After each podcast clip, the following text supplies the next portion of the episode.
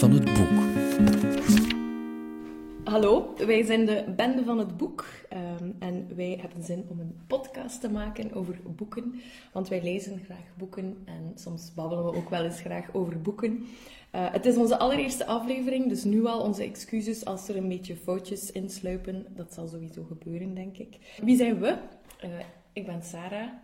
En ik zit bij Trace in haar keuken. En Trace heeft een marmercake gemaakt. En we drinken ook koffie. De perfecte boekenclub situatie, denk ik. Absoluut. We hebben een boekenclub opgericht. Ook om cake te eten, maar vooral om boekjes te bespreken die we gelezen hebben. En ook om nieuwe titels aan elkaar voor te stellen. En dat is denk ik ook een beetje het doel van deze podcast. Zeker. Om uh, mensen inspiratie te geven van welke boekjes ze wel en niet moeten lezen.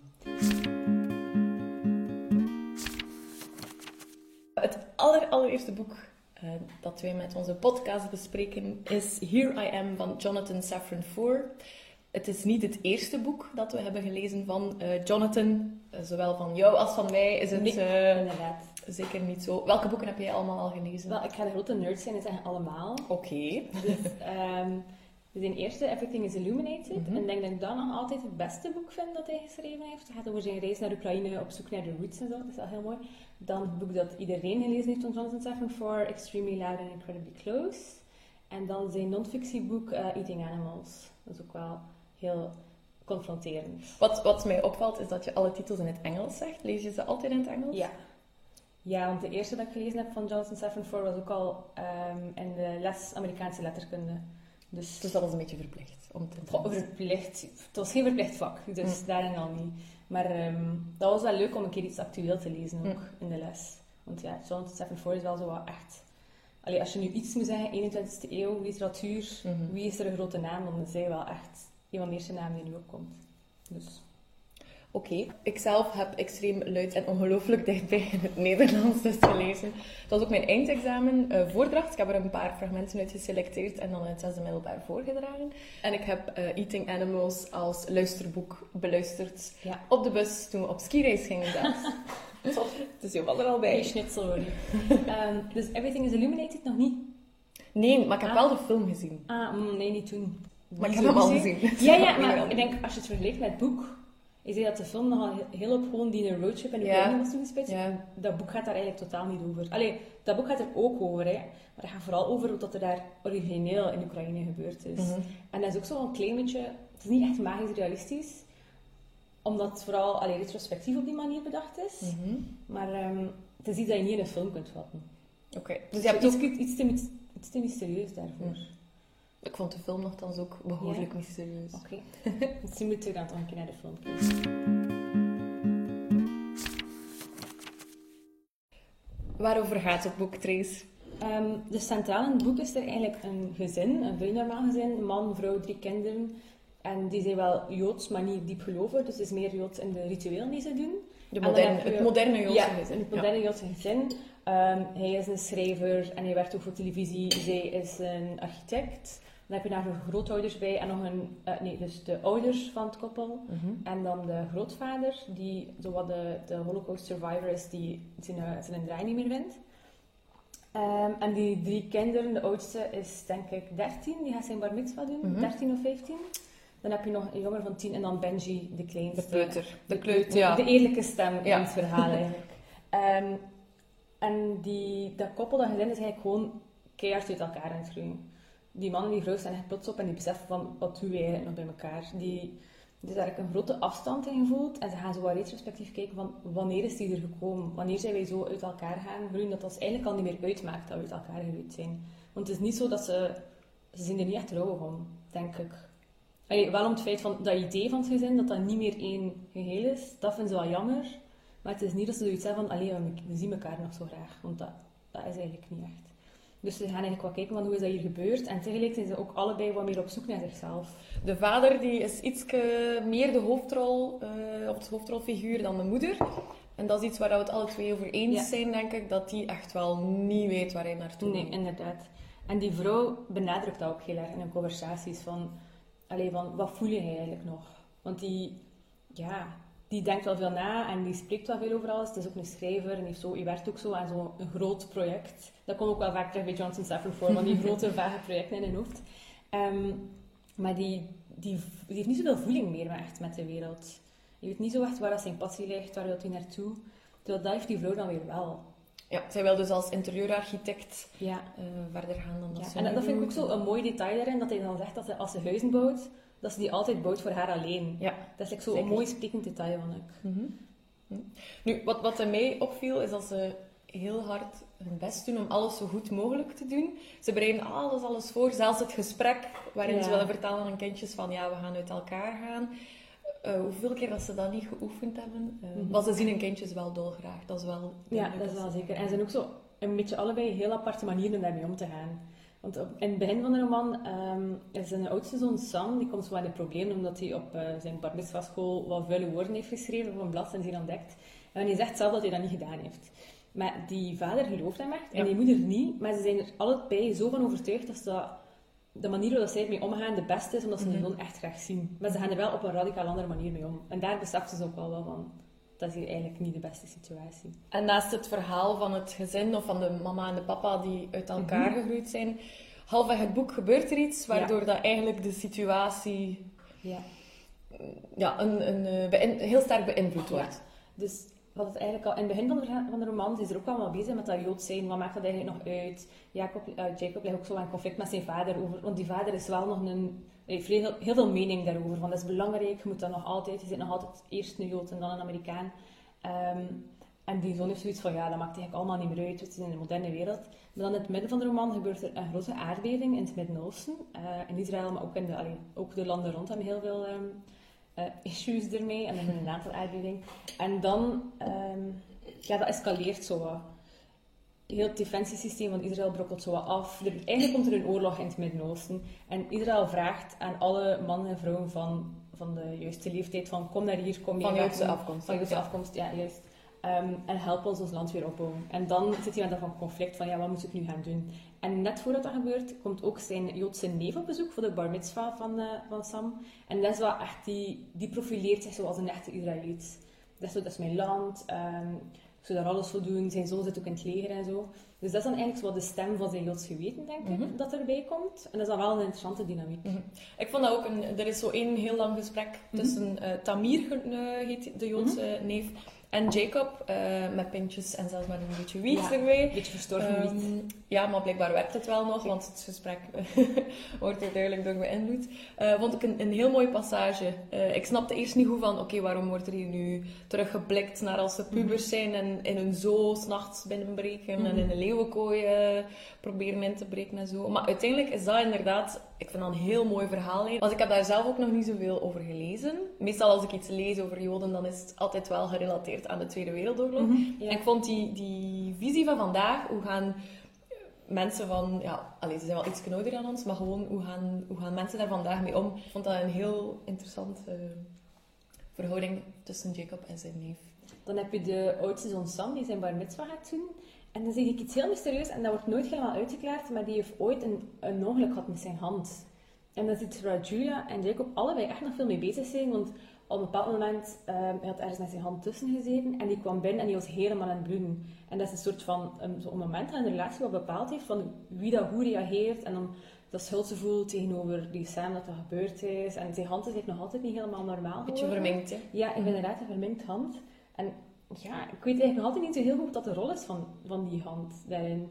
Dat is like zo'n issue die tussen hen is blijven bestaan, van hoe is dat eigenlijk kunnen gebeuren. Maar... Komt ook zo in uh, flarden terug, hè? Ja, het is zo niet dat zo eh, het hoofdstuk over de hand... Nee, Nee. dat komt zo af en toe een keer terug. Een alinea ze zien dan een keer zijn hand en dan denken ze eraan. Ja. Of dan vertelt Sam er zelf iets over, over zijn hand. Mhm. Maar dat is iets raars. Mhm. Als iemand weet wat er aan de hand is met de hand van Sam... Let us know. ja. Ehm, dus het zijn drie broertjes. Eh, Ja. gezegd. Eh, Ze hebben wel een leuke band, vind ik. Ja. Sam is de oudste, ehm, een beetje verantwo- meer verantwoordelijk. Mhm. Eh, bijvoorbeeld ook eh, vlak voor zijn bar mitzvah roept hij zijn broertje samen op zijn kamer en zegt hij van ja, mama en papa die gaan scheiden, maar ze durven het ons zelf niet Oh. vertellen. ja. Twee broertjes vallen niet echt uit de lucht, behalve Nee. de kleine, omdat hij het concept niet snapt. Hij is nog te jong. Mhm. Ehm, En dan wordt er eh, bijvoorbeeld gewezen op het feit dat Julia zou gekust hebben met een andere man. En dan vraagt de kleine broer zich ook af van, maar kussen mensen is toch goed? Wat, wat is het probleem? Want ik eigenlijk oh. Ik denk dat hij Sam bijvoorbeeld ook al wist. Dus Jacob stuurt wel vuile berichtjes naar een collega van hem. En dat, Mhm. dat doet zo allemaal wel escaleren. En uh, Dan is Sam de heeft dat eigenlijk al vroeger ontdekt dan, dan Julia. Dan Julia, ja. ja. Ja. Maar doet ook zoiets van, oei, ik ga dat zo, Mhm. zo laten. Allee, dat is eigenlijk de vraag. Want hij verstopt die gsm waarop dat die berichtjes staan op een andere plaats. Mhm. Waaruit Julia hem vindt. Dus dan kun je zeggen van, wou hij het zo laten? Of heeft hij net zijn moeder er naartoe geleid van, oei, er is hier iets niet kosher bij wat dat papa doet. Kosher, goede woordkeuze. Inderdaad.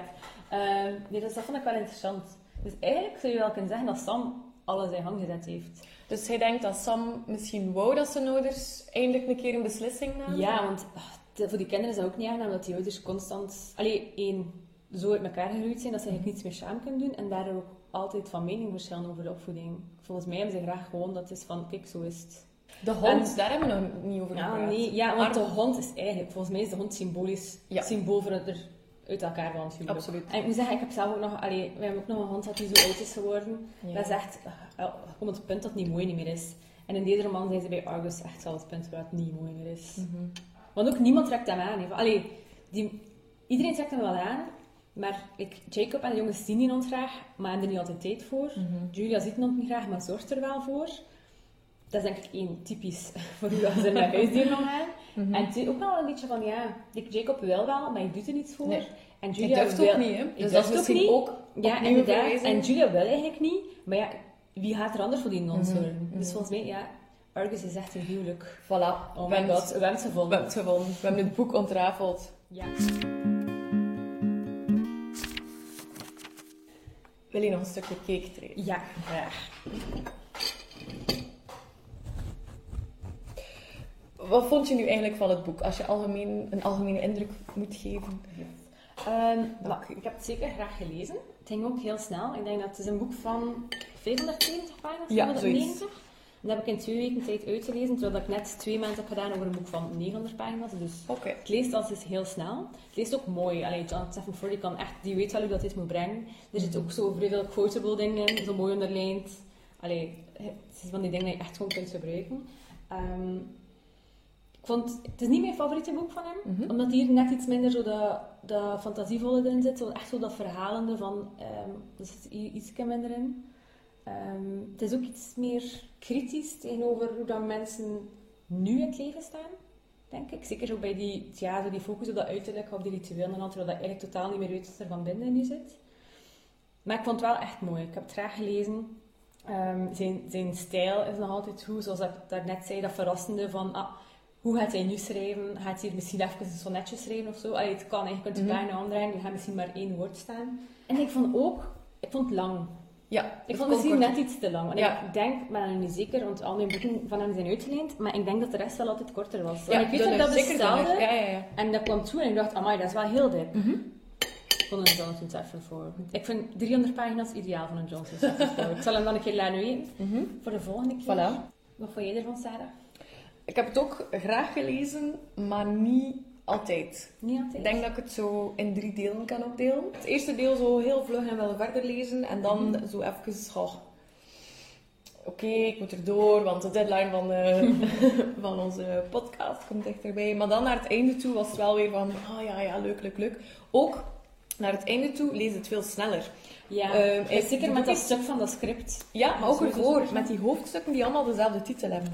Ehm, hoor. Het is zoiets, dat is zo echt dat je altijd op moet letten. En Jonathan Safran de titels en toch vergeet ik het altijd. Ah, nee, dat doe ik wel. En dat is echt zoveel, hè? hem. Ehm, dus dat was hier. Come Home is Ja. een eh, hoofdstuk dat constant afgewisseld wordt met Today I am not a man. Maar sexy, ik heb dat helemaal niet gezien. Ah ja, want dat is Today I am not a man is Sam, Ja. zijn bar mitzwa, Ah, ja.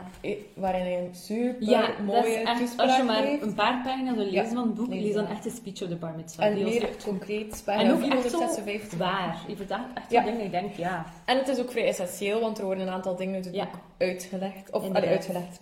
Eh, bijvoorbeeld of Sam nu wel degelijk die vuile woorden heeft geschreven of niet. dat vond ik een hilarisch moment. Mhm. Nee, dat is inderdaad wel snel, het zijn heel korte Ja, hoofdstukken. ja, inderdaad. Soms maar twee pagina's. Waardoor dat tempo naar het einde toe wel weer Mhm. sneller ging. Dus ja, er gebeuren dan nog dingen waardoor je Ja. het zeker wil weten. Inderdaad. Oké.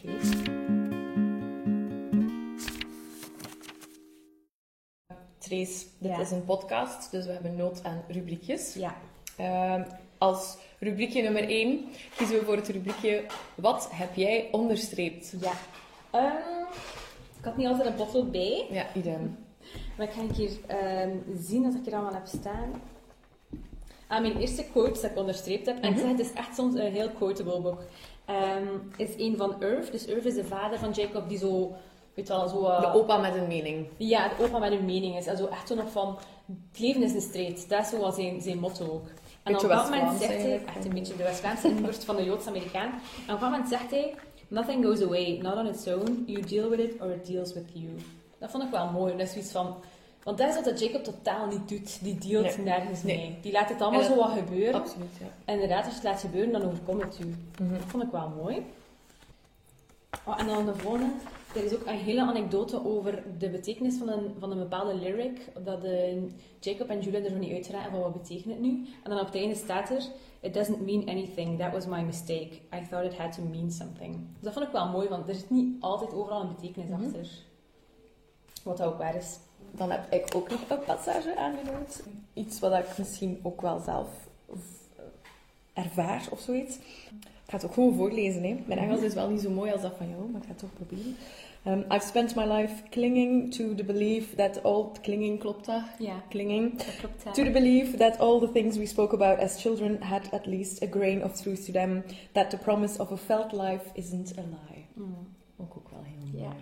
Wat, wat ik veel of vaak vind, is... Je hebt een alinea, daarin vertelt hij iets. eh, er gebeurt iets. En dan is zo de laatste zin zo er boek op. Ja, hij is vrij goed in boek op. Ja. Misschien kunnen we hem zo... eh, Ja, en dat is ook maar zo quotable. Het is echt zo... mhm. Want soms heb je een hele alinea gelezen van iets en denk je van, ja, dat is zo mooi, maar... Allee, ik kan dat niet helemaal even handletteren op Pinterest zetten. maar allee, Johnson heeft wel zoiets van, hier, hier is het meisje. Handletters dat maar, zet daar maar een schoon eh, achtergrondje op en ze het op Pinterest. Ik En nog een van de mooie, en dat is mijn laatste mooie, denk ik. Mhm. Want we mogen ook niet zoveel mooie dingen dan weggeven. Nee. Iedereen leest Iedereen moet het boek zelf. ook nog lezen. Is ehm, de speech dat Jacob's moeder heeft op een Mm. eh, huwelijk. Ja. Ehm, dat is een beetje langer en hopelijk val ik niet over mijn woorden. En ze zegt, in sickness and in sickness, that is what I wish for you. Don't seek or expect miracles, there are no miracles, not anymore. And there are no cures for the hurt that hurts most. There is only the medicine of believing each other's pain and being present for it. En dat vond ik mooi, want dat, dat is ook gewoon echt waar. Allee, ze gaan helemaal geen ding opgeven nou. En het gaat zeker ook over mensen die uit elkaar groeien en, en dingen die fout gaan in de wereld. Maar dat vind ik dan wel echt mooi en waar. Zonder dat dat deprimerend is. Want dat is inderdaad niet deprimerend. Hè. Mhm. Ze zegt van, het leven, allee, het leven is geen ponyfeest, maar je bent er wel voor elkaar. Dat vond ik wel mooi. Kijk, ik moet er helemaal stil van worden, Sarah. Absoluut. Ehm, Oké, dat was rubriekje nummer 1. Ik heb als rubriekje nummer 2 genoteerd echte leven. In welke mate is het verhaal gebaseerd op zijn echte leven? Het is zo, ja, ik heb daar zo... Allee, het is mij zo ingebrand van, het boek is nooit auteur, dus die vallen nooit samen, dus je moet daar ook niet te veel over nadenken. En sommige auteurs gaan dan ook heel ver, zodat je dat niet zo doen. Dus anoniem blijven en de personage helemaal anders maken. Maar Jonathan Safran Foer doet echt die moeite niet. Allee, Jonathan Jacob, bijna al twee met een J. Oké, dat is misschien niet mega groot, het is ook een Joodse man. Hij woont ook in Brooklyn. Jonathan Safran Foer is ook net gescheiden van zijn vrouw, omdat ze uit elkaar gegroeid waren, dan ook kinderen. Allee, het ligt er zo te vingerdik op. En ik denk dat hij net gewoon ons wil laten nadenken van wat is er nu waar en wat niet. En Dat is hoeverre dat hij speelt ja, met de lezer. En in hoeverre gaat het jullie eigenlijk aan? Mhm. Want is, allee, ik denk dat hij dat wel leuk vindt om daar zo een keer mee te spelen. Hij is ook niet vies van de media. Hè? Allee, je was zelf Ja. bezig met HBO, nog iets. Je was bezig met HBO en in het boek ook. Ehm, dus ik denk dat hij dat gewoon leuk vindt. Zo van, wat gaan ze ervan geloven en wat niet? Het spel met de werkelijkheid. Ja. Want dat is iets wat hij ook wel doet, bijvoorbeeld met die aardbeving in Israël. Het is iets wat we ons kunnen voorstellen, maar het is niet zo. Nee, en ook zo in die voorstelling zo reëel. Want je ziet dat, ja, ze kijken dan naar CNN, dat gebeurt daar. Alles wordt dan op Twitter gegooid. Allee, het is ook...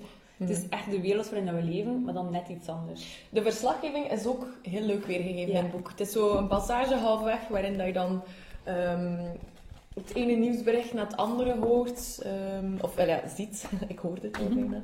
Eh, dus dat is ook wel een toffe... Dat vind ik leuk, ook aan Jonathan Safran Foer zijn boeken. Dat hij niet zo stereotyp zijn in hun vorm. Ook de, de ja, chatgesprekjes van Sam Ja.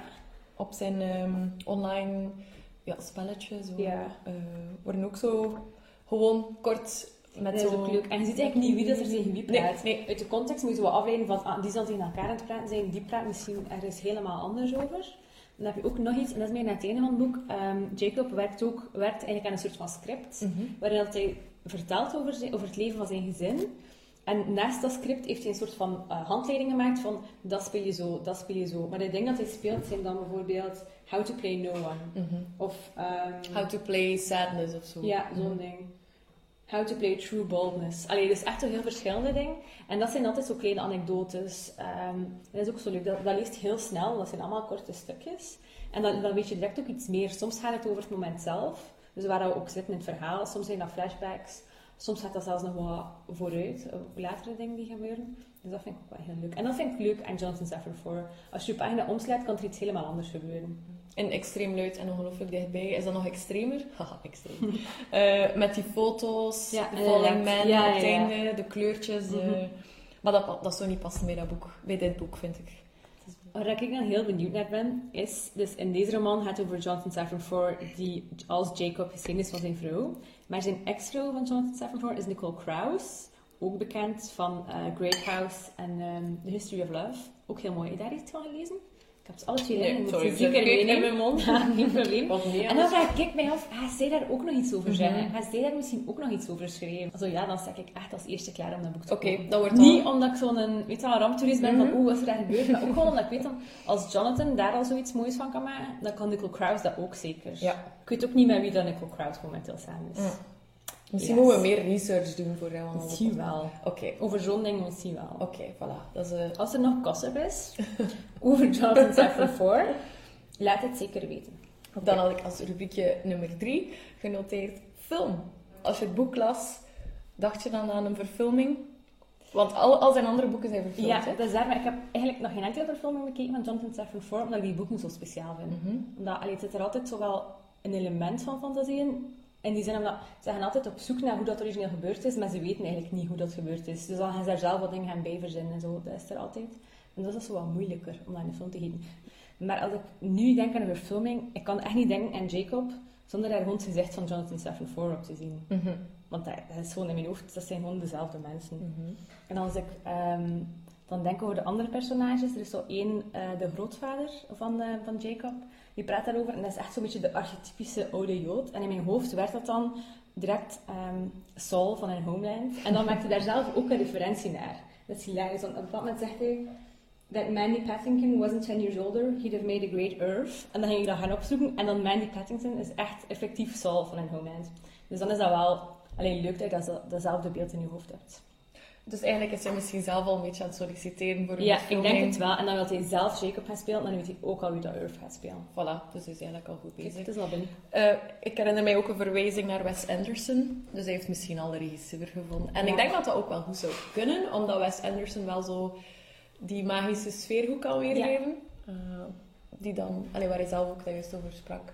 Dat is waar. Dus misschien wel nog de man ervoor. Voilà, dus we hebben dat geregeld. Dus Dus verfilming. wij gewoon een projectplan opstellen en dat doorsturen naar eh, Jonathan Oké, check. Dus En Wes eh, Anderson. 2018 in de cinema. Oké. Here I Am, met, van Jonathan Safran Foer, Ja. door Wes Anderson. Oké. Jingle. Dan het finale oordeel, Trace. Blijft het boek in de boekenkast? Ja, blijft zeker in de boekenkast. Behalve als iemand wil lenen. En ik ga het zeker ook aanraden om een keer te lenen aan mensen.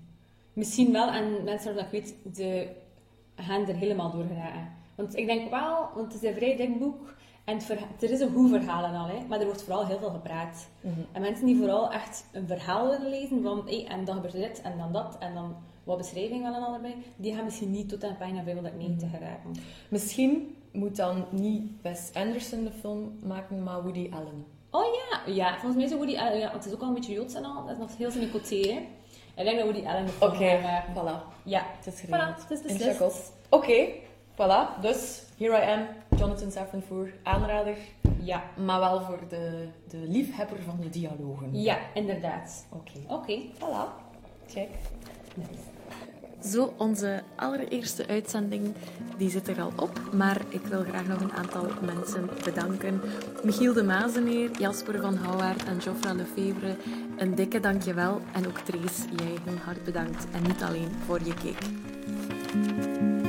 Van het boek.